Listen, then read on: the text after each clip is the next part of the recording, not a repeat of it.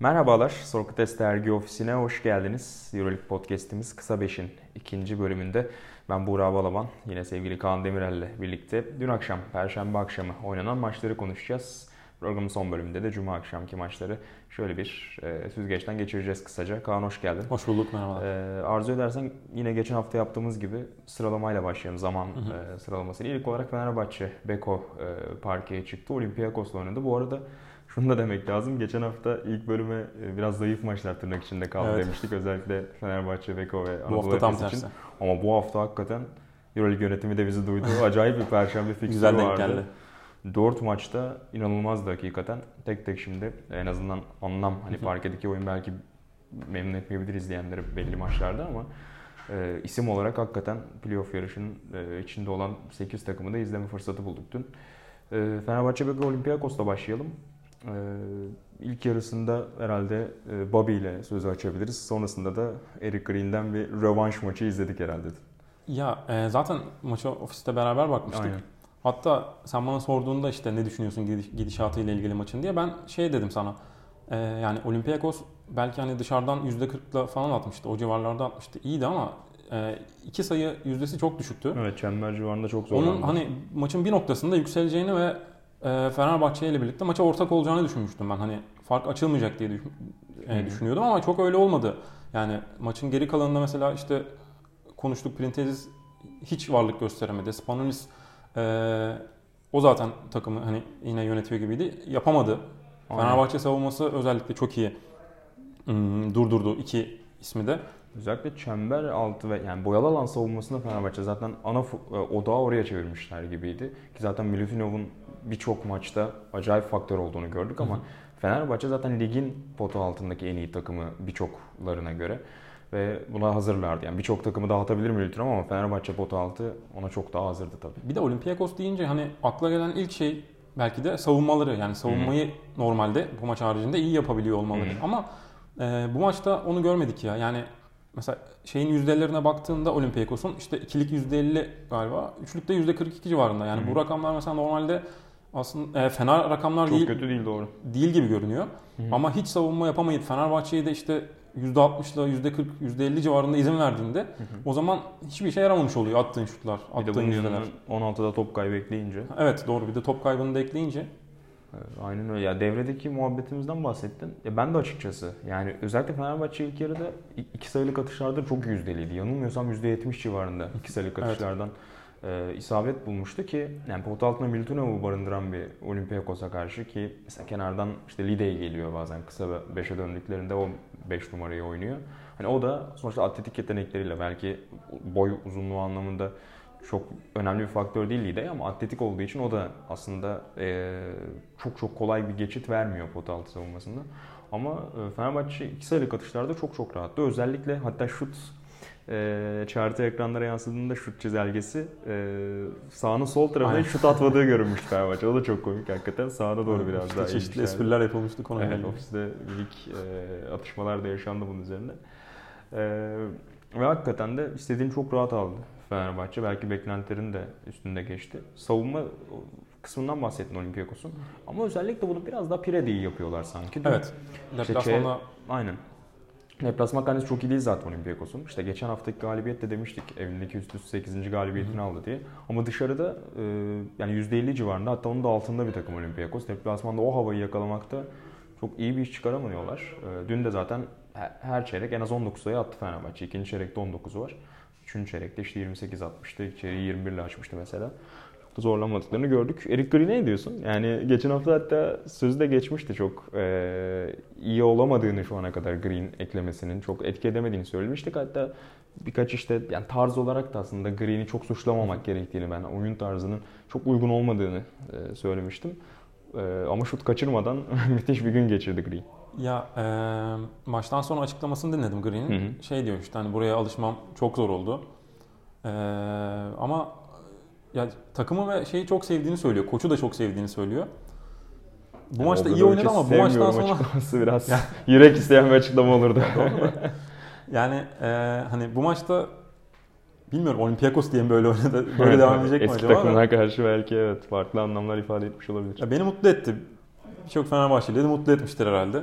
Eric Green'in böyle oynaması. Aynen öyle. Çünkü aslında ikinci yarının başında da hafif bir geri dönüş acaba Evet, soru evet. işareti doğurdu Olympiakos. Şöyle bir işte 10'a biraz hatta 8'e yanılmıyorsam inmişti fark. Ee, ama sonrasında yine e, Fenerbahçe rahat bitirmeyi başardı. Ya playoff'a doğru giderken ihtiyaç var bence Green'e. Ya evet yani en azından birine ihtiyaç olacak orada. Yani tabii ki Guduric'ten eğer harika bir katkı alırsanız işte Kalinic, Datomer parça katkı verirse kenardan Bobby ya da Melih e, her girdiğinde %60'la üçlük, %70'le üçlük sokarsa evet belki ihtiyacınız olmayabilir. Ama bu tür tahammüller üzerinden bu tür Muhtemelen ne öyle olur, olmayacak. Biz muhtemelen atarız diye e, yola çıkamazsınız tabii ki. Playoff olsun ya da Final Four olsun. E, bu yüzden de elbette Eric Green gibi belli bir hücum potansiyelinin üzerinde olan bir oyuncuya da ihtiyaç var. Ya ilginç de bir oyuncu Green. Yani mesela biraz geçen hafta da konuştuk. Valencia'da da çok verimli bir hücum bekleyemezsiniz ondan ama hani birebir de el üzerinden bir şeylerde yani çok tıkandığınızda size o katkıyı verebilecek bir Yani oyuncu. Eric Green top 10'da olsun istiyor aslında. Yani Her zaman, Fenerbahçe'de, Yani çok top çevirmeye gerek yok diyor sanki. o çok müm- mümkün değil ya. Yani topun sadece bir kişide olduğu bir senaryo düşünülemez herhalde. O yüzden Eric Green'in çok zor uyum sağlaması zaten konuşmuştuk da e, normal bir şey bence. Kesinlikle. Eric Green o- 17 dakika yakın parkede kaldı. Ee, 17 sayı attı. 4'te 4 üçlük attı. Ee, Oldukça etkiliydi. Kalinic'in 16 sayısı vardı. Ee, Bobby Dixon da çoğu ilk yarıda olmak üzere 13 sayı attı. Bence İlk yarıda Bobby- hakikaten rüya gibi e, girdi. İkinci yarıda zaten e, attı mı diye düşünüyorum. Belki hepsini bile ilk yarıda almış, atmış olabilir notlarımı almadım ama bir de ilginç ya Bobby'nin uzun zamandır görmediğimiz bir asist katkısı Şimdi onu diyecektim. Onu diyecektim? Ağzından aldım. Sen buyur. Sayılarının sayılarından da önemlisi 10 asist yapmasıydı ya. Kesinlikle öyle. Yani Sulukas'a çünkü tüm top dağıtımı yükünün ya da uzunlarda bu konuda Veseli'nin ne kadar geliştiğini konuşmuştuk. E, Melli'den yine bu konuda katkı alabiliyor Fenerbahçe. Çember altından da pasör e, oyun yapıları içinde izliyoruz Fenerbahçe'yi. Ama kısalarda genelde bu yük Sulukas'ın üzerinde oluyordu. Bobby'yi sadece işte şut ve el üzerinden ya da yani dribbling üzerinden ya da geçen şut üzerinden kullanmaya çalışıyorlardı. Ama dediğin gibi bir de top dağıtımına katkı verdiğinde ee, başka bir parça olabilir tabii Bobby ilerleyen yaşına rağmen.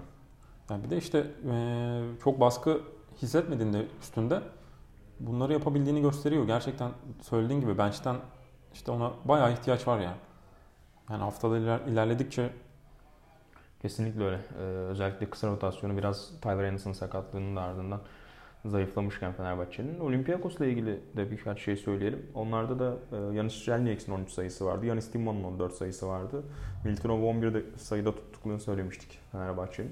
Orada devreye giremeyen ana parçalar arasında aslında Printes'i söylemek lazım. Sen Evet. az önce biraz parantez açtın.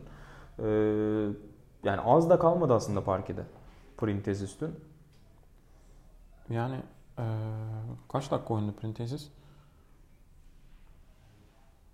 Şöyle bir baktım 19 dakikanın Aynen. üzerinde. Yani 20 dakikaya yakın oynamış. Sayısı yok. 3'te 0 ile 0 sayı. Ee, podcast'e girmeden önce şöyle bir baktım. Bu sene sayı atmadığı bir maç yok. 2 sayı attığı maç var bir tane. Onun dışında çoğunlukla e, zaten Printez ana aktörlerinden biri olmasına alıştık yıllardır.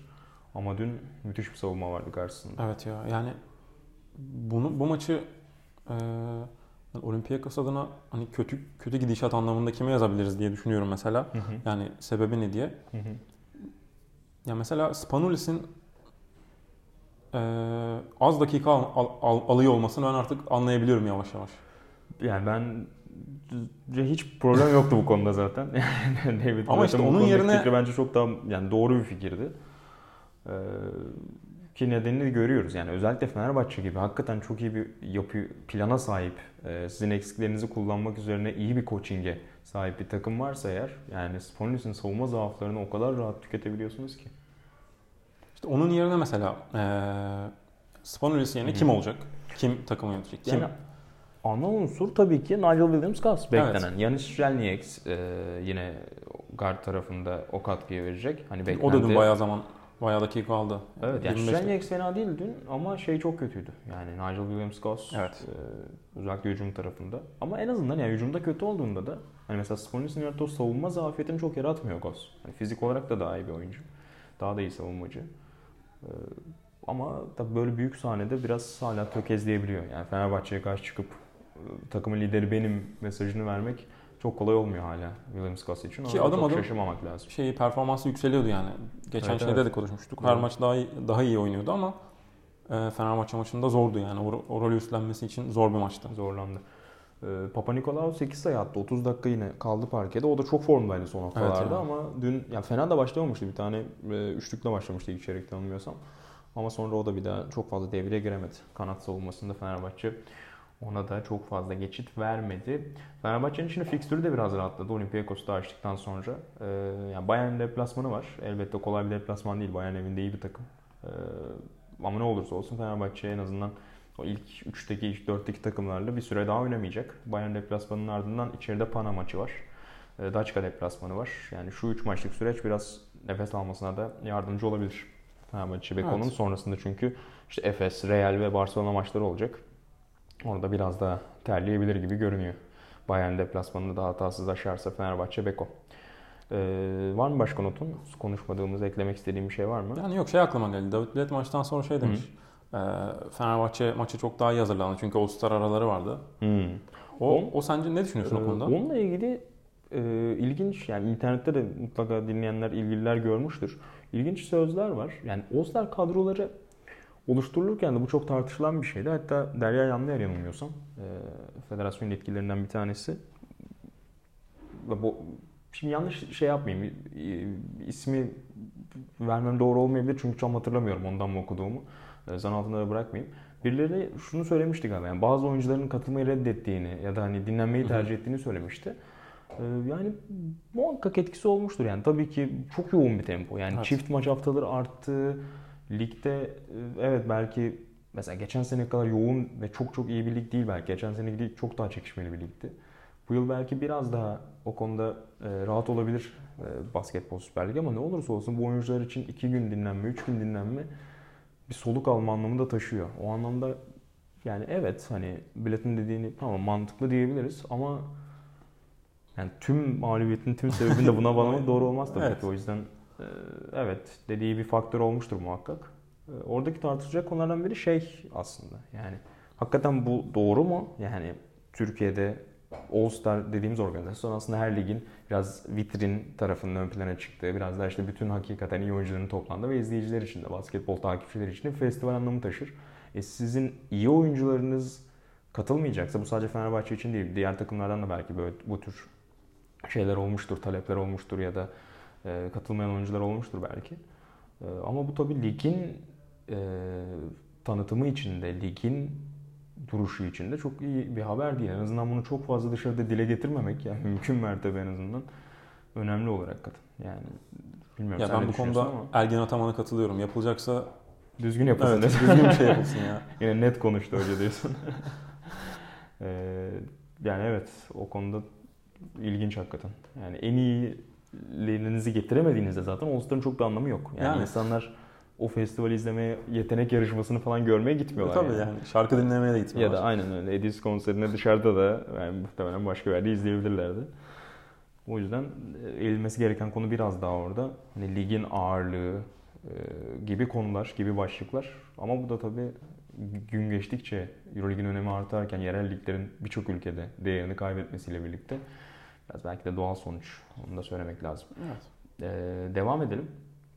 Ee, sıradaki maçlarla devam edelim. Ee, Real Efes maçı en sonda, ona en son konuşuruz. Ee, Maccabi Pana ile başlayalım. Dün e, Fenerbahçe ile Efes'in maçlarını dediğin gibi izledik. Diğerini de biraz bölüştük gibi oldu aslında. Evet. Vakit bulamayınca ben bu sabah e, Maccabi Panathinaikos maçını izledim. Ben de ilk çeyreğine bakabildim. 84-75 kazandı Maccabi. Ee, onlar adına bu iyi gidiş devam ediyor Sferipoulos'la birlikte. Ee, günün de dünkü maçın süper yıldızı da Angelo Colairo oldu. Beklenmedik bir oyuncu oldu. Yani hakikaten enteresan. Ondan ummazsınız sahaya çıkıp e, bir yıldız performansı göstermesini. Farklı maçlar farklı oyuncular ön plana çıktı Maccabi'de evet. Ee, ama bunlar arasında pek Colairo'yu almamıştık. Biraz Banvit günlerini hatırlattı dünkü performansıyla.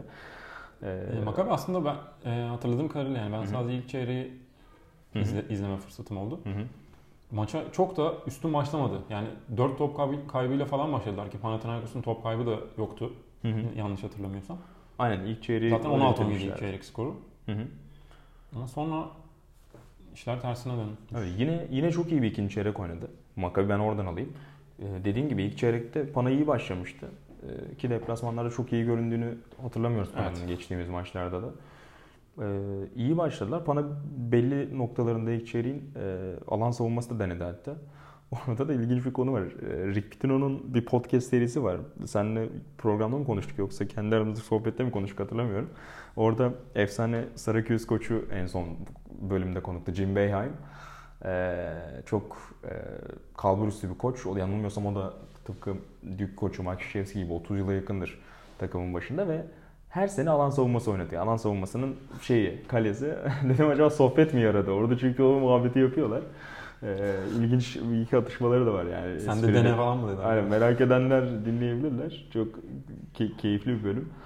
Ee, onun üzerine görünce bir tebessüm ettim hakikaten ilk çeyrekte para alan savunmasını deneyince.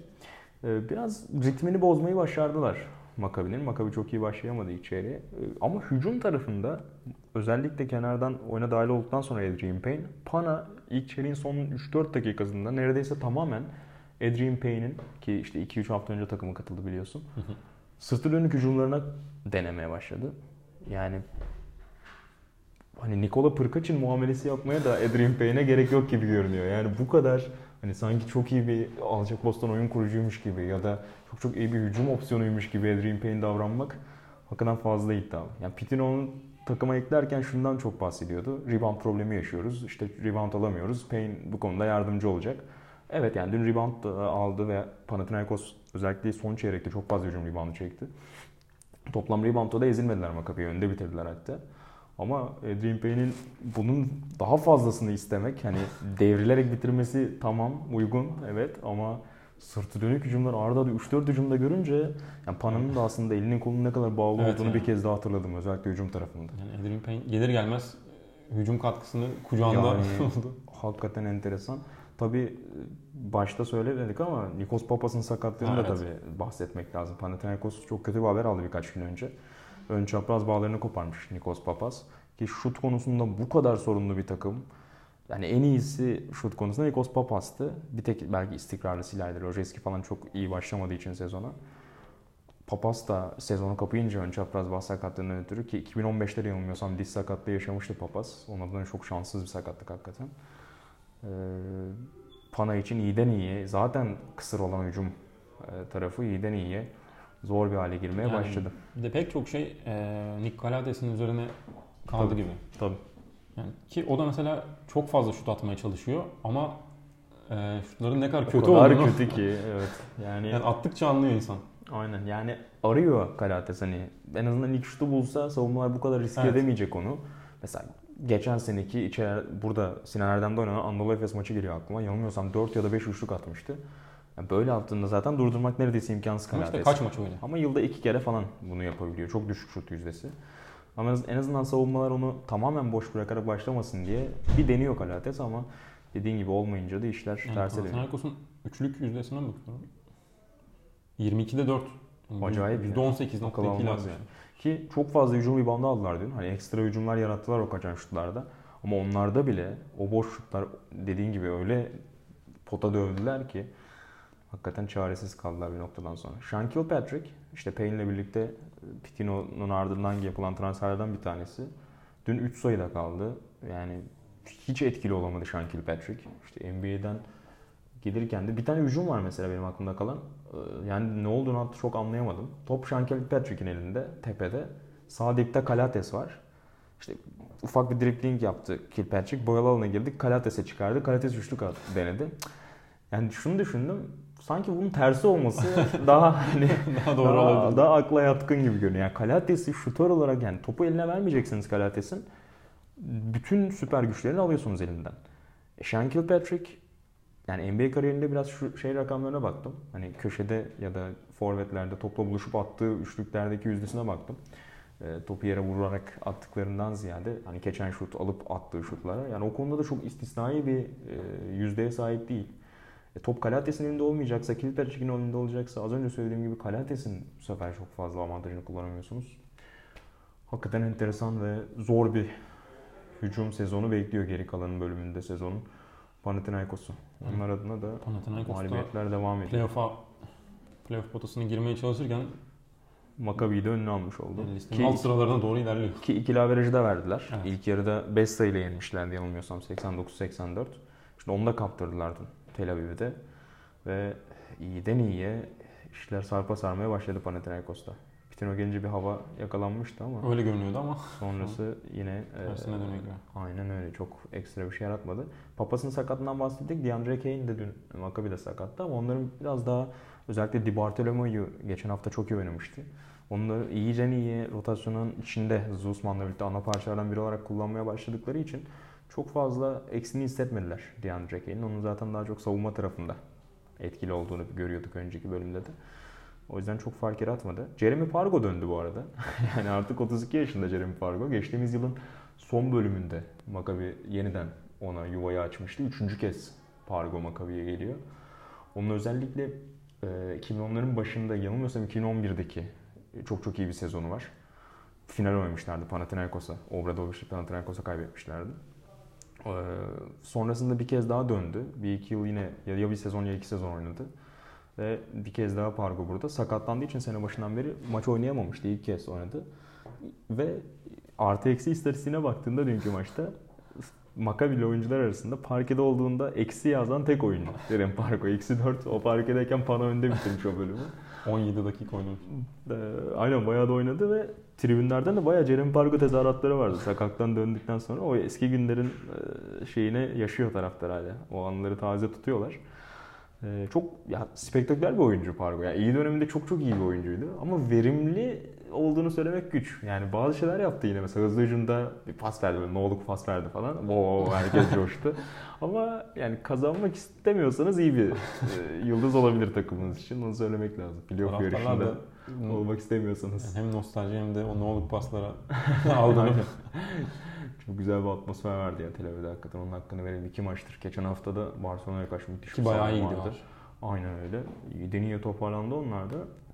Ve yani playoff yarışında işte belki birkaç hafta önce işte Baskonya, Žalgiris onları daha iddialı olduğunu konuşabilirdik. Ama Žalgiris'in kötü gidişi, Maccabi'nin toparlanışı bir anda dengeleri değiştirdi. Yani oradaki yarışta Maccabi'de söz sahibi olacak gibi 7 görünüyor. Ve, 7 ve 8. 8. sıra için Maccabi'nin şansı yüksek bence. Özellikle son formunu dikkate aldığımızda. koruyabilirlerse. Ee, Yani şu an zaten gidişat dediğin gibi onların da artıya döndü. Son 6 maçın 5'ini kazandılar. Evet. Tek mağlubiyet Real Madrid deplasmanı. Ki yani daha ne bekleyebilirsiniz bir takımdan. Şimdi önemli bir sınav var önlerinde onların da. Baskonya deplasmanı var. Ki tıpkı onlar gibi çok formda bir Baskonya çıkacak karşılarına. O da yine kırılma maçlarından biri olabilir.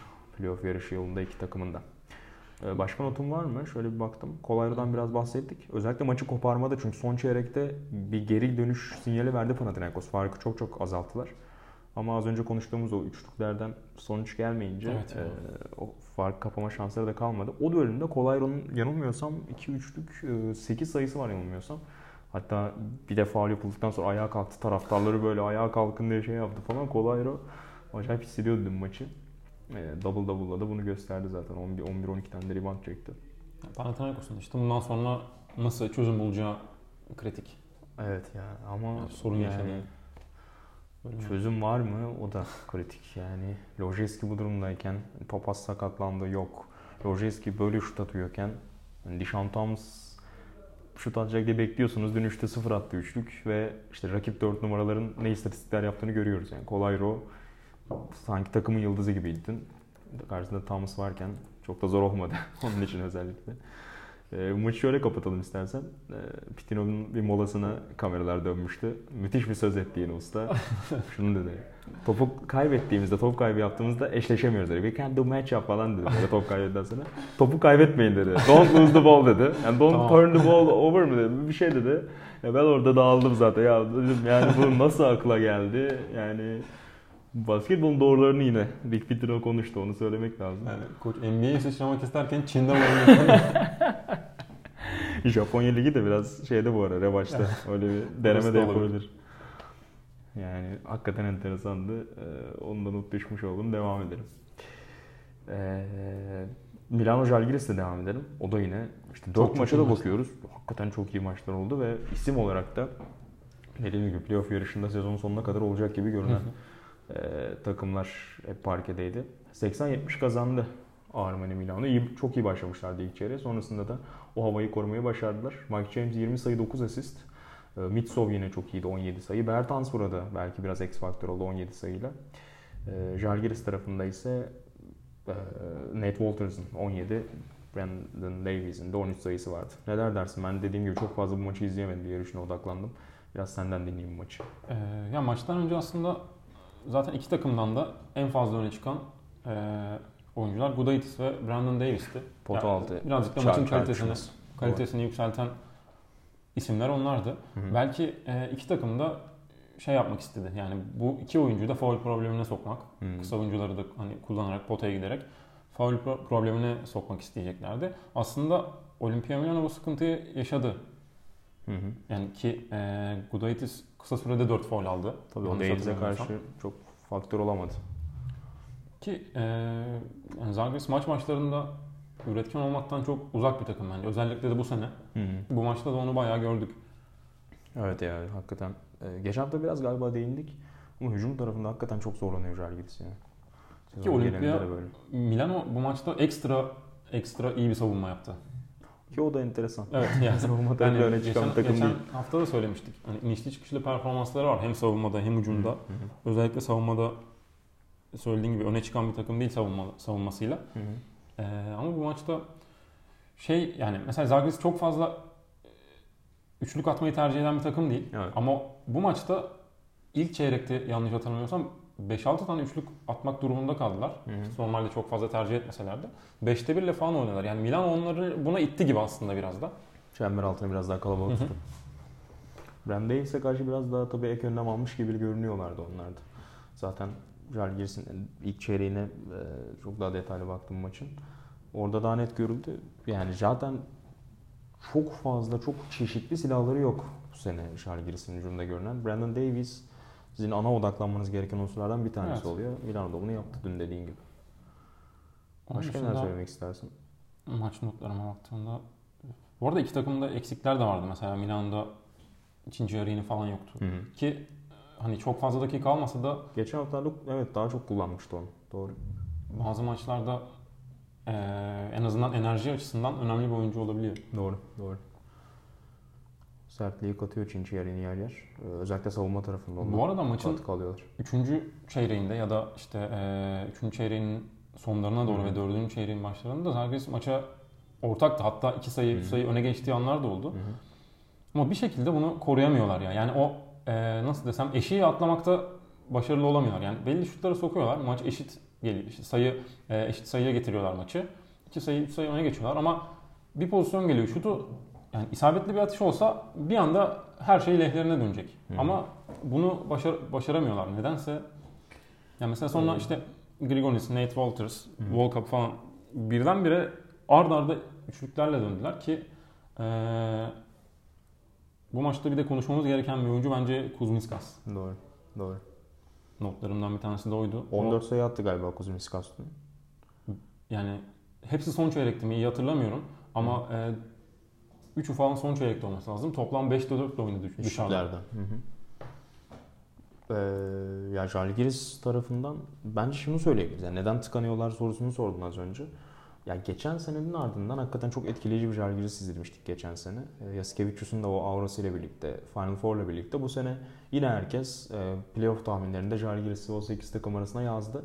Ama yani giden gelen parçalara baktığımızda ya çok da ciddi güç kaybetti Jalgiris. Evet. Şimdi hakkını ver, teslim etmek gerekiyor. Yani Yasikevicius ne kadar iyi bir koç olursa olsun yani şapkadan tavşan çıkarmak da her zaman kolay olmuyor. Ee, işte bahsediyoruz mesela iyi koçlardan, Lasso'dan, Obradovic'ten, e, David Blatt'tan, kalburüstü koçlardan söz açıyoruz. Ama hepsinin elinde hakikaten elit kadrolar var şimdi onu söylemek lazım. Bütçe konusunda da aynı şekilde yani. Kesinlikle öyle.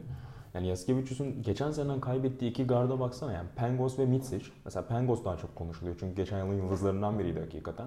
Barcelona'da belki bu sezon o kadar şu ana kadar devreye girebilmiş değil. Ama geçen sene harika oynadı Kevin Pengos. Ee, ama mesela Mitsic'i konuşmuyoruz. Yani Mitsic şu an birazdan da konuşacağız. Anadolu Efes'in bir numarası. Yani saha içindeki lideri Mitsic. Ne olursa olsun oyun lideri o. Ee, ve takımın da içinde olduğu durum ortada. Playoff yarışında hatta ilk 4 yarışında hala içinde Anadolu Efes. Yani Mitsic'i yani Pangos bir yana ikinci gardı gibi düşündüğü Mitsic'i de kaybettikten sonra yani bir anda onların arkasını doldurmak kolay değil. Yani işte Walton'dan bahsettim mesela. Ya da Nate Walters işte birkaç yıl önce Beşiktaş'ta çok beğenilmeyen işte yani denilen eh işte denilen bir oyuncu. Oyuncu. Evet çok iyi, iyi katkı aldı ilk yarısında Nate Walters'dan ligin Euroleague tarafının Yasikevicius. Ama bir yere kadar yani hani ondan tek başına takımı playoff'a Final Four taşımasını beklemek de çok gerçekçi değil. O yüzden biraz hani o değerlemeyi de yapmak gerekiyor sanki. Çok da ciddi geçen seneye göre e, kadro kalitesi anlamında ödün verdi Žalgiris Kaunas. Bunu söylemek lazım. Yani ciddi seviyede belli oluyor zaten maçı. Aynen öyle. Yani o yakın geçen bölümlerde, tıkandıkları bölümlerde mu- muhakkak arıyorlar. O yetenek e, arayışına giriyorlar hakikaten saha içinde. İşte bir noktada yine Aaron White bir şeyler yapmaya çalışıyor. Hı hı. Ama hep parça işte yani Evet. onları bir arada oynatacak harmonide yeteneklere ihtiyaç var kısa tarafında. E, O da Walters bir yerde kalıyor yani hani bir noktaya kadar takımı taşıyabiliyor. Thomas Volkap bence onlar için asıl hayal kırıklığı oldu. Evet. sanki. Yani çünkü ikinci kart olarak ondan daha yüksek katkı bekliyorlardı bence sene başında. Ama Euroleague'deki ilk sezonunda Volkap şu ana kadar çok sınıfı geçemedi. Görünen o. Ki dün işte bu maçı e, eşit noktaya getiren basketlerde fena da katkı vermiyordu. Ama yine dediğin gibi işte önemli yerlerde eksik kalıyor yani. İşe atlamada zorlanıyor. Ee, çok küçük de Mitsov'u söyleyelim. Yine 17 sayı attı, 7 rebound aldı. Ee, 7 mi? 6 rebound aldı, 3 asist yaptı. Mitsov hakikaten şu ana kadar çok konuşulmuyor gibi görünüyor. Ee, belki de ben benim kuruntum bu ama hakikaten çok iyi bir sezon geçiriyor. Çok yani Milano deyince hep Mike James aklımıza geliyor. İşte pot altında Gudaitis'in verdiği katkıyı konuşuyoruz yer yer. Ee, ama hakikaten yani Mitsov sessiz sedaslı öyle katkı veriyor ki yani sadece skor anlamında yaptıkları değil. O top dağıtımı Evet, evet. konusunda da soğukkanlılığı olsun, işte savunmadaki fizik katışı olsun. Hakikaten çok özel bir oyuncu yani Mitsov. Bunu bir kez daha bu sezon rahat bir şekilde görüyoruz. Zaten mümkün mertebede onu kortta tutuyor PNG yani. Dün de 34 dakika yakın oynadı galiba. Hı, aynen öyle. Tüm bunları bir arada değerlendirince de Mitsov'un hakkını vermek gerekiyor hakikaten. Ee, var mı başka notun yoksa Real Efes'e doğru geçelim. Yani geçebiliriz. Dünün son maçı da e, Real Madrid ve Efes arasındaydı. Hatta son maç olmasından dolayı biraz e, Ergin Ataman'ın tepkisi olmuş maçtan sonra. Yani bu saatte maç oynaması, yani Türkiye'de şu an saat gece bir, hani oyuncu anatomisi anlamında bir şeyler söylemiş koç. E, Bizim tabi orada saatleri ayarlayamamamızın da bir problemi oldu. Yani bir saat daha uzaklaşmak Avrupa'dan çok iyi fikir olmadı gibi görünüyor. E, Ülkenin birçok yanında olduğu gibi basketbol tarafında etkilendiği bir karar oldu. Ee, ama ondan önce konuşulacak çok daha fazla şey var tabii parkede. Ee, biraz onlara dönelim. İlk yarı çok yakın, çok hani iki taraf için de bir tarafa eğilip bükülmeyen bir maç oldu aslında. Ee, biraz az önce ufak bir parantez açtık. Mitsic yani hakikaten çok çok iyi oynadı yani son çeyreğe kadar müthiş oynadı. Bence son çeyrekte de çok kötü yani evet yani son özellikle 5 dakikada iki tane çok kritik hata yaptı. Ama Mitsic'te şunu görüyorum ben e, yani takımın lideri sezon başında acaba mı deniyordu? Yani artık sez- özellikle sezonun ilk yarısına yaklaşılırken ki Takımın noktadan lideri. aldığımız anda aynen yani bunun cevap şeyi yok. Soru işaretimiz yok. Bu takımın lideri. Vasilya Mitsic.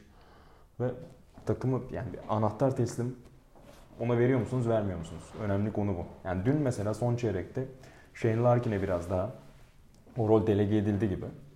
Larkin e, çok da iyi ikili oyunlar oynadı Tibor Plyce'la. Ona çok güzel asistler yaptı. Kendisi birkaç tane faul aldı, sayı attı. E, dün mesela Efes kariyerindeki Larkin'in fena maçlardan birini oynamadı. 8 sayı, 5 asist yaptı. Ama o süreçte Larkin onları üretirken Mitsic biraz daha köşede bekleyen taraftaydı ve çok soğudu hakikaten Mitsic. O ana kadar oyunun çok çok içindeydi. Çok çok iyi bir maç oynuyordu Mitsic. Ama yani biraz da diğerlerinden katkı alalım dediğinizde Mitsic'i özellikle oyun içindeki o ateşini, oyuna olan odağını kaybediyorsunuz gibi geliyor bana. Zaten bence lafını kestim. Yok yok. Birazcık da o yüzden eee, kendi başına çözüm bulmaya çalıştığı yerlerde başarısız oldu. Belki senin dediğin kısım yüzünden yani soğuduğu için. Özellikle Evet. son çeyrekte. Evet çok çok doğru söylüyorsun. Yani belki o oyun hissiyatını hani bundan belki bir yıl sonra, iki yıl sonra Misic bunları da çok daha iyi öğrenecek ve o konuda da kendini daha hazır tutacak olabilir. Ama Misic hala genç bir oyuncu. Ve hala e, bazı şeyleri kendi tarafında da öğreniyor, geliştiriyor. Bunun da e, çok utanılacak ya da sıkılacak bir şey olduğunu düşünmüyorum. Benim dünden kalan en önemli notum bu yani bana kalırsa. Mitsic'e işte atıyorum bir, bir çeyrek, iki çeyrek sen oyna, bir çeyrek diğer taraftan katkı alalım, en son sen devreye girersin dediğinizde o çok iyi bir fikir olmuyor genelde. Yani iyi başladıysa Mitsic geri etmek lazım. tamamen onun üzerine. Yani muhtemelen Ergin Ataman şunu düşündü. Biraz fazla konuştum şimdi sana döneceğim. Ee, içeride özellikle kaybettiği işte Real maçı. Onun da sonunda sol forvetten bir üçlük denemişti Mitsic ve girmemişti son. On daha uzunca bir süre varken maçın sonuna. Ya da Oli deplasmanında yine çok yakınken maç son toplarda birkaç top kaybı yapmıştı. Çok basit hatası vardı. Onları düşündü ve maç sonunda yine o hataya teslim olmayayım dedi. Topu Larkin'e teslim etmeyi seçti ama işte bir yandan da orada Mitsic'i kaybetti. Yani ya hiç dönmeyeceksin en son bölümde ki o da bu kadar iyi oynamışken Mitsic mümkün değil. 21 sayı attı Mitsic, 5 asist yaptı, 2 top çaldı. Ama sadece sayılarla açıklanamayacak bir etki yaptı dün. Yani Evet. müthiş oynadı. Real savunmasını çaresiz bıraktı. Yani gerçekten lider gibi oynuyor diyebiliriz ya. Çok özel ya. Yani topla yaptıkları o çok çok özel. Çok sıra dışı bilmiyorum herkese öyle mi geliyor? Bana estetik de geliyor mesela. Çok Messi estetik. için. Aynen öyle. Demeye, çalış- demeye çalıştığım oydu. Yani o kayışları e, hani hesitation move dediği hani durup hızını kesip devam ediş sonrasında o vitesi küçültüp arttırması izlemesi en iyi, en zevkli, en keyif veren guardlardan biri Avrupa'da. Hataları yok mu var ama e, dün benim açımdan biraz özeti öyleydi. Yani Larkin'i işin içine sokup o 2-3 dakikada katkı alırken Ergin Ataman son bölümde sanki biraz Metsic'in katkısını kaybetti gibi geliyor. Sen neler dersin? Çok uzun tuttum giriş. Yo ya bence şuradan başlamak lazım aslında. Ee, Efes bir sen Anadolu Efes. şey Anadolu Efes İçeri atılmayalım. Anadolu Efes e, kazanabileceği en iyi Madrid'le karşı karşıya geldi gibi. Tamam dep- şeydi deplasmandaydı ama e, yani Sergio'yu çok formda değil. Son çeyreğin O var. Son çeyrekte ortasına öyleydi. kadar dediğin gibi hiç ortada yoktu. Güç. Son çeyrek ya dediğin kısmı hariç tutarsak. E, ligin hani geri kalan kısmı için söyledim. doğru. Onun dışında yani Real Madrid'de bir şey var gibi yani bir e, nasıl desem doygunluk var gibi. Yani takımda işte Campazzo dışında belki ya da belki birkaç e, parça dışında bir doygunluk var gibi ve o yüzden Anadolu Efes'in bu hafta ben galip gelebileceğini düşünüyordum ki Hı hı. Maçın önemli bir bölümünü yani ilk yarının sonuna kadar falan şey getirdiler. Önde getirdi Anadolu Evet, Efes. evet, doğru. E, mesela çok top kaybediyor Real Madrid. Hı hı. Buduşnov maçında da öyleydi. Öyle kaybettiler zaten. Çok fazla top kaybı yaptılar. Bu maçta da ilk yarıda çok top kaybı yaptılar. Doğru söylüyorsun. Ee, ben orada biraz hani yaş ve fiziki durumun da etkili olduğunu düşünüyorum. Sadece doygunluk ve mental tarafın yanında yani birçok ana aktör 30'un üzerinde artık. İşte Ayonlar, Carroll'lar, Felipe Reyes saymıyorum ana aktör olarak artık. Ama Rudy Fernandez kenardan gelse de ana aktör. Yani tüm bu oyuncuların yaşı belli bir noktanın üzerindeyken artık hani her maça, sezonun her bölümüne o kadar odaklanmak da kolay olmuyor. Evet. Ve onu düşünürken şu da aklıma geldi. Biraz Fenerbahçe için de aklıma bir şeyler geldi. Hakikaten şampiyonluk için çok çok çok iyi bir sene bu Değil mi? Fenerbahçe için. Yani Efes de belki vites artırırsa, yani Final Four'a çünkü adım attıktan sonra her takımın orada şansı var. İki maç kazanmak o seviyeye gelen bir takım için imkansız değil. Herhangi bir takım için bu. Geçtiğimiz yılki Žalgiris de buna bir örnekti. Zaten o yüzden çoğu koç için ilk sıralar değil de hani kendini bir şekilde ilk 8'e atmak Aynen öyle. Yani o seriyi geçtiğin anda dediğin gibi e, F4'e kaldığın anda her şey olabilir. E, Ama özellikle Fenerbahçe bu kadar iyi gittiği için ve doğal adayı zaten Final Four'un olduğu için söylüyorum.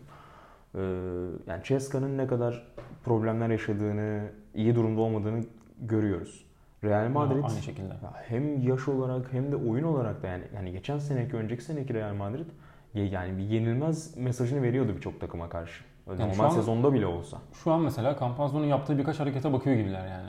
Aynen öyle yani onun işte bir enerjisine Aynen. ya da işte Yui mesela geçen e, dediğimiz gibi son 5-6 dakikada kendine geldi. Oralara kadar 7, Gelemeyebilir 7'de de. 0'dı. Aynen öyle. 3 sayılık 8'de 1 atışlarda. Evet üç dışarıdan. Yani hani o noktada gelemeyebilirdi yani çok doğal bir şey bu. O 30 dak e, ilk 30 dakikasında maçın ilk 35 dakikasında 7'de 0 attıktan sonra son bölümde de bir iki iyi savunma yine ritmini bozabilirdi. Yani tüm bunları bir arada değerlendirince ki çok ekstra bir Anthony Randolph performansı vardı. Evet, Onu da evet. söylemek lazım. İlk yarıda 21 sayısını ilk yarıda attı galiba. Toplam 24 sayı attı Anthony Randolph. İlk yarıda canavar gibiydi hakikaten. Muhteşem oyun oynadı.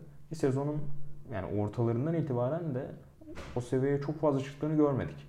En son 20 sayının üzerini gördüğünde Bayern Münih maçıydı. Bundan 6-7 maç önceydi. Ee, uzun bir aranın ardından da bu sezonki zaten en fazla sayı attığı ikinci maç. Sezonun daha hemen başında Milan'la bir 25 sayısı varmış. Şimdi baktım. O onu düşünce mükemmel oynadı. Yani ilk yarıda Randolph'tan da öyle bir ekstra performans gelmese belki Efes çok daha ikinci yarı rahat girecekti. Bir 10 sayı farklı girebilirdi örneğin. Ee, ilk yarıda o çok büyük faktör. Çok çok Randolph. gerçekten. Son çeyrekte de Sergio Yui. İşte o şutları sokmaya başladıktan sonra dümeni eline aldı Peki hakikaten. Efes'in, Anadolu Efes'in kendini takımı geliştirip gelişmesi gereken yönlerden bahsedersek ne söylersin? Ben mesela dün de gördüm. Hücum reboundlarında bayağı problem var gibi. Yani savunmada da hücumda da rebound konusunda çok problem yaşıyor Efes. Dün yine e, yani zaten Real Madrid toplam e, şey rebound oranlarına baktığında maçtaki reboundların yüzde kaçını aldıklarına baktığında ligin iyi takımlarına ilk üçünde dördündeydi zaten Eurolig'in. E, Dün de e, 46'ya 24'lük bir rebound farkı oldu. Deplasmandaki Olympiakos başında bu çok ortaya çıkmıştı. Rebound konusundaki zafiyet. İçerideki Real maçında yine belli noktalarında özellikle çok görmüştük bunu. Bir rebound problemi var Efes'in. Ee, bu noktaya paralel bir şey söyleyeceğim. Mesela box skora baktığında, maç sonundaki istatistiklere baktığında dünkü maç çok yanıltıcı bir maçtı bence. İşte Sergio Yui mesela bakıyorsun. Randolph'un ardından işte en skorer oyuncusu takımın 19 sayı atmış, işte 8 rebound olmuş, 5 asist yapmış. Yani normal şartlarda Yuli domine etmiş maçı ve hakikaten müthiş oynamış dersin. Gibi görünüyor. Ama ilk 3 çeyrek asla bunu demezsin. Yani bu sayıların çok büyük kısmını son çeyreğin son dakikalarında attı. Son 6-7 dakikasında. Ee, benzer tarafına Efes'te de şunu örnek vereceğim. Tibor Plyce. Mitsic'den sonra en skorer oyuncu o. 15 sayı attı. Ama 4 rebound aldı abi sadece dün Plyce. 22 dakika parkede kaldı. Ve yani 2.21'lik bir oyuncu için yani o bedene sığdırılmış bir çocuk gibi kalıyor bazen. Yani ikili mücadelelerde işte mesela Tavares'te çok yakın boyları. Tavares'e karşı boy olarak ezilmeyen tek oyuncu belki. Ama yani ta- Tavares bir canavar gibiyken Plyce yani topu elinden kayıyor. Biraz böyle fiziksel temastan kaçıyor gibi. Çok sinir bol. Yani birkaç tane zaten çember civarında bitiremedi. Bir tane blok yedi. Birkaç tanesini böyle smaca kalktı. Bitiremedi. Top dışarı çıktı falan. Çok garip şeyler oldu. O da enteresan. Çok iyi başlamış sezona Plyce. Ki ben mesela bu konuda yanılan insanlardan bir tanesiyim yani. Sen mesela Tibor Plyce kötü oynuyor dedim bana. Ben de eee, maçı sonradan açtım. En baştan beri Hı. izlemedim. Rakamlara falan baktım. Fena oynamıyor gibi duruyor. Ama devam ettikçe hakikaten sana şu, yani şu an katılıyorum sana. Aynen sen de Dediğim mesajlaşmıştık başın içerisinde. Orada demiştim. Ee, sonra yani dediğim işte şeye bakınca skor işte attığı sayılara işte ve istatistik kağıdına o bayağı iyi oynamış. Burada mesela hani PIR istatistiğini ben çok işte sevmiyorum bu Euroleague'in rankinglerini falan diyorum ya aslında onun temel şeylerinden biri bu. İşte artı 13 yapmış mesela. Yani yapmış ama geri kalan kısmında ne yaptı yani? Buraya yansımayan şeylerde ne yaptı? Onları da konuşmak lazım. Dün yani neden bu kadar süre aldığını da merak edenler olabilir izlemeyenler için onu da söyleyelim. Dunstan çok erken iki faal aldı. Ee, hani karşı tarafta Tavares'le de boy olarak daha iyi eşleşebildiği için Plyce'ı biraz daha kullanmak istedi e, Ergin Ataman. Bu arada bence Ama bilmiyorum yani. şunu da atlamamak gerekiyor. Doğuş Balbay oynadığında Efes'in savunması bir hatta iki seviye yukarı çıkıyor. Yani. Aynen. Dün işte ilk 5 başladı Doğuş ama sonra uzun bir süre oynamadı yine. Maç sonunda Son bölümde yine soktu onu ama e, fark bir 7-8'e çıkmıştı yanlış hatırlamıyorsam şu an. E, Oradan da dönmedi. Şeyler bir- birkaç e, eleştiri okudum yine sosyal medyada. İşte Mitch için bir tane kötü şut denemesi var. Bir tane de kaybettiği top var. Onun üzerine şeyler çok konuşulmuş. Son çeyrekte ipler onun elinde olmamalı. İşte sanki Ya. son çeyreğe kadar onu getirip sonra başkaları oynamalı falan. Çok adil değil. Yani evet hata Ya hangi lider öyle ister ki? de. Hangi lider bunu Yani ister Aynen ki? öyle. Yani e, çok gerçekçi de değil. Bu bir bilgisayar oyunu değil. Hani oynarken sizin tutup oyuncuyu hemen çıkarıp başka birine sokacağınız gibi bir şey değil. Burada duygular var. Koca bir sezon var. Misic'e de abi biz seni 3 çeyrek kullanacağız. Hani son çeyrek kusura bakma sana güvenmiyoruz mesajı verirsen Yani. sezonun geri kalan içinde çok şey bekleme zaten. Ha Misic'den ha başka birine yani. Herhangi biri olabilir bu. Ee, onun sevaplarıyla yaşıyorsan günahlarına da e, biraz e, katlanmak zorunda kalıyorsun. Ondan notunu düşmek lazım. Yani çok sallanacak bir durum yoktu yani için. Evet çok iyi kararlar vermedi ama zaten o kararları verirken hani Olympiakos deplasmanındaki gibi değildi mesela. Zaten maç biraz artık kayıyor gibiydi. Real'e doğru. Onlar zaten dümene geçmiş gibiydi. Ee, onu da söylemek lazım. Boboa dün ilk girdi kenardan. Çok iyi bir işte asist yaptı. Birkaç e, isabet buldu. Ama ikinci yarıda o hiç yoktu mesela. 3 sayılık atışlarla 5'te 2, 2 sayılık atışlarla 5'te 1. Kendi standartının çok altında kaldı Bobo ve çok ısrar etti Ergin Ataman dün. Ben onu çok anlayamadım mesela. Bobo bu kadar iyi değilken, şut sokamıyorken ki savunmada ciddi zaaf. Çok uy- uyuyabiliyor Bobo. Ki zaten hiçbir zaman çok iyi bir savunmacı olduğunu iddia etmemiştir muhtemelen Bobo'da. Hani ondan özellikle skor gelmiyorken sanki Doğuş'u belki biraz daha kullanabilirdi ya. Onu söylemek lazım. Ee, Yani onun- sezonun bir kısmındaki Boba gibi değil. Evet evet. En azından onu söyleyebiliriz. Aynen öyle. Ee, o çıktı. Bir de Moerman. Ortalamanın dünle altında kalan oyuncusu. Yine 27 dakika oynadı belki ama sadece 5 sayı attı. Ki son haftalarda Moerman çok çok iyiydi. Evet yani kurtardığı maçlar bile tek başına hatırlıyoruz. Ee, ama dün çok ortada yoktu. Ee, Brock Motumi'ye katkı verdi. 12 dakikada 13 sayı. O zaten atmaya başladığında devamı geliyor genelde. İçeriden dışarıdan. Aynen ama işte yine savunma zaafına katlanıyorsun. Zaten bence herkes biliyordur bunu. 3 maç izleyen zaten tahmin ediyordur, biliyordur. Ee, skor katkısını verdi Motum ama onun dışında e, çok Simon'un- fazla devreye giremedi. Son pozisyon için belki bir şeyler söylersin. Şey mi hızlı hücumda kaybettiği top mu? Ee, Larkin'e vermeye çalışırken. O şey. Ha, çizgi. evet çizgi. Şeyi. evet ya orada Çünkü çok, insan e, ona hem itiraz edildi hem sosyal medyadan da sonra konuşuldu. Çünkü. Efes'in aleyhine dönmesine sebep olan pozisyon olarak da mesela e, e, bakılıyor. Evet, son 2 dakikanın içinde 1.58 mi ne kalmıştı? Farkta 4 diye yanılmıyorsam. E, pot altından oyuna sokacaktı topu Real Madrid ve fark e, fark değil pardon 4 saniye mi 3 saniye mi çok az kalmıştı. E, sürenin dolmasında şut saatinde. Simon oyunu topu oyuna sokmamak adına e, işte çok hareketliydi çizginin üzerinde. Ama dengesini kaybetti. Tam 5 saniye mi oldu acaba diye herkes beklerken çizginin e, ötesine geçti. Geçti. Yani oyuncunun üzerine doğru geldi. Normalde insanlar e, ilk uyarılması gerekiyor. Aynen önden uyarıp bir daha yapıyorsa teknik faul çalması gerekiyor gibi bir e, sohbet de olmuştu. Ama şey, o konuda bir kural değişikliği var mı seni yanılmıyorsam? E, iki dakika özellikle bunu standartize etmek için, bu çok fazla zaman geçirmek adına, rakibin ritmini bozmak adına son iki dakikalarda kullanıldığı Kötüye için. kullanıldığı için. Aynen öyle. Bu konuda bir e, tüzüğe de eklenmiş yanılmıyorsam, e, yanlış hatırlamıyorsam. E, o, onu o topu rakibe vermeden önce, topu oyuna sokacak oyuncuya vermeden önce hakemler o uyarı yapıyorlar. Yani çizgi işaretini yapıyorlar elleriyle. Ve oyuncu için aslında bu bir önden uyarı anlamına geliyor. Yani yaptıktan sonra uyarmak yerine. Ve oyunculara da söylenen hani son iki dakika içinde bu yapıldığında teknik faulle cezalandırılacakları yönündeydi. O yüzden yani ben ona çok fazla takılmadım. Hani e, doğru bir karardı bence o. Simon vardı hatayı yapan oyuncuydu. Onu da söylemek lazım. Yani orada çok büyük bir hakem problemi Yani olduğu, evet. skandal olduğu gibi düşünmemek lazım. Kural bu maalesef bu seneden itibaren. Ee, Zaten yanılmıyorsam çok büyük bir Ergen, oldu orada. Ergen Ataman da öyle inanılmaz bir itirazda bulunmadı. Biraz Evet, itiraz etti ama tepki gösteren e, sakin ol gibi bir şey dedi Evet. galiba Simon. Tam yani yanlış bilgi vermeyeyim belki yanlış hatırlıyorumdur da. Ee, evet ama dönüm noktalarından biri oldu kesin. Çünkü orada teknikten sayı yedi e, Efe. Sonrasında potandan top oyuna sokuldu. Orada da e, Brock Motum uyudu. Çembere gitti biri ve bomboş bir turnike attı. Bir anda 3 sayı daha artmış oldu fark. Ve e, geri dönüş umudu da iyiden iyiye kayboldu Anadolu Efes'in dün. Var mı konuşmadığımız bir tarafı maçın? Hmm. Yine bolca konuştuk. Ee, Yani Efes'in- şöyle bir baktım. Hı, buyur sen. belki temposundan bahsedebiliriz ben.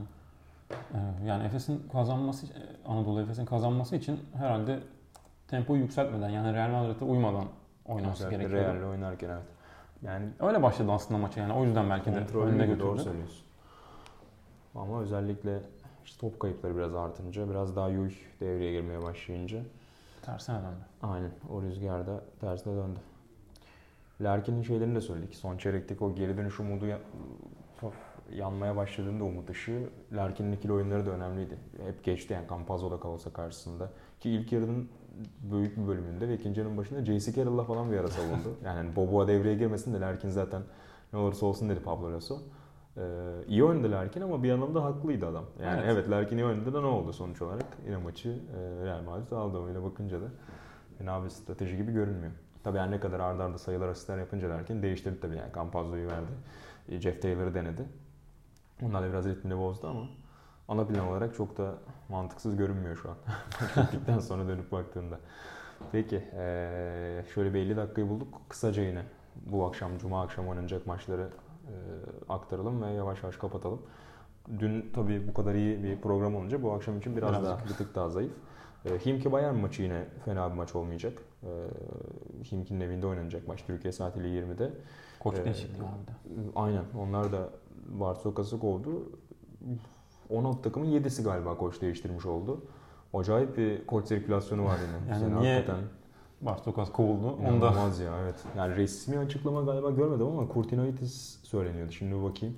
Resmi açıklama da gelmiş olabilir belki. Ee, Rimas Kurtinaitis'in getirileceği haber var. Evet evet resmi açıklama var o gün. Ben acaba dedikodu olarak mı gördüm diye düşünmüştüm ama geldi. Zaten hani bu tür koç değişiklikleri Avrupa'da özellikle sene içinde yapılıyorsa muhtemelen e, ki yerine kimin geleceği de belli oluyor yani önden aynen. Yoksa sağlam kazığa bağlamadan şeyi o değişikliği yapmıyor takımlar. yani ben koyayım da sezon içinde ko- koç edeyim zaten. Aynen. Bu Düşünos'ta da onu görmüştük. Yani Cikic gittiği anda hemen Spay'a gelmişti. Bir benzerliği Himki'de oldu. E, Kurtinaitis geldi. Onlar Bayern'le oynayacaklar. E, Daçka Baskonya'yı ağırlayacak ki Baskonya hakikaten çok formda. Evet. Selçuk Ernak ve Darüşşafaka için kolay bir maç olmayacak yine Onlar da kendi işte playoff potasından zaten çıktı. Baskonya aynen şu an onlar 7. ve yani Şengel'e gittikten sonra birçokları işleri zor gibi düşünmüştü Düşünüyordu playoff için ama çok iyi geçtiler şimdilik o bölümü. Kurtardılar. Ve e, kalan maçlarında çok büyük bölümün içeride oynayacaklar. Geçen hafta söylediğimiz gibi. Ki Bayern Münih'te deplasmanda oynayacağı çoğu maçını düşünürsek Aynen. Onlar yine şansları var yani. kendi evlerinde oynanacak Final Four öncesi en azından bir playoff Evet. görecekler gibi görünüyor. Buduşnos Göler. Kanarya maçı herhalde programın da en talihsiz maçlarından biri. Muhtemelen izleyici rakamlarıyla ön plana çıkmayacak o mücadele. Ve günün son maçında da yine 23'te bir İspanya maçı. İspanya'da oynanacak maç geç başlayacak. Ama Herhalde o güzel bir maç. Güzel bir maçı. son olacak. Aynen öyle. Cuma günü. Evde geçirmeyi planlıyorsanız Cuma gününüzü hazır ertesi gün işte yokken eee 23'te başı. Biz gerçi hala ofiste oluruz büyük ihtimalle. Muhtemelen. Yeni sayı hazırlıklarından dolayı. Ama Barcelona Ceska maçı hazır tökezlemeye de başlamışken Ceska Barça için hedef maçlardan biri yine. Evet. Müthiş bir eee seri yakalamışlardı. Geçen hafta Maccabi deplasmanında ortalık biraz karıştı Barcelona için. Hiç devreye giremediler neredeyse. Bakalım Ceska'ya karşı nasıl bir maç olacak. Tahminim var mı bu maçta? Ya CSK eee inişli çıkışlı maçlar oynuyor son zamanlarda. Hı hı. Çok zor kazandılar geçen Evet işte.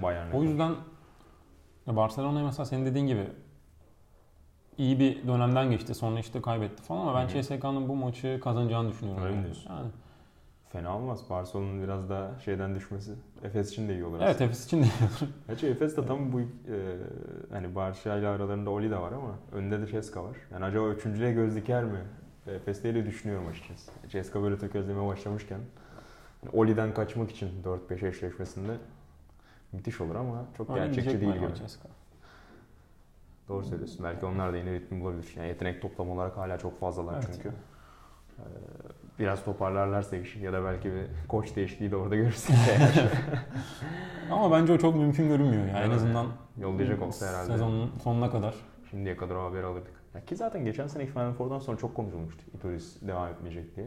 Ama Vatutin tutmayı tercih etti. Bir sezon daha belki de. Bakalım Itoris bir çıkış yolu bulabilecek mi? Peki Kaan başka notun varsa alayım yoksa Ee, yavaş yavaş Yok kapatalım. şimdilik. Tamam. Ee, Kısa Beş'in ikinci bölümünü de böylece kapatmış olduk. Önümüzdeki hafta yeni maçlarla yeniden buluşmak üzere. Hoşçakalın. Hoşçakalın.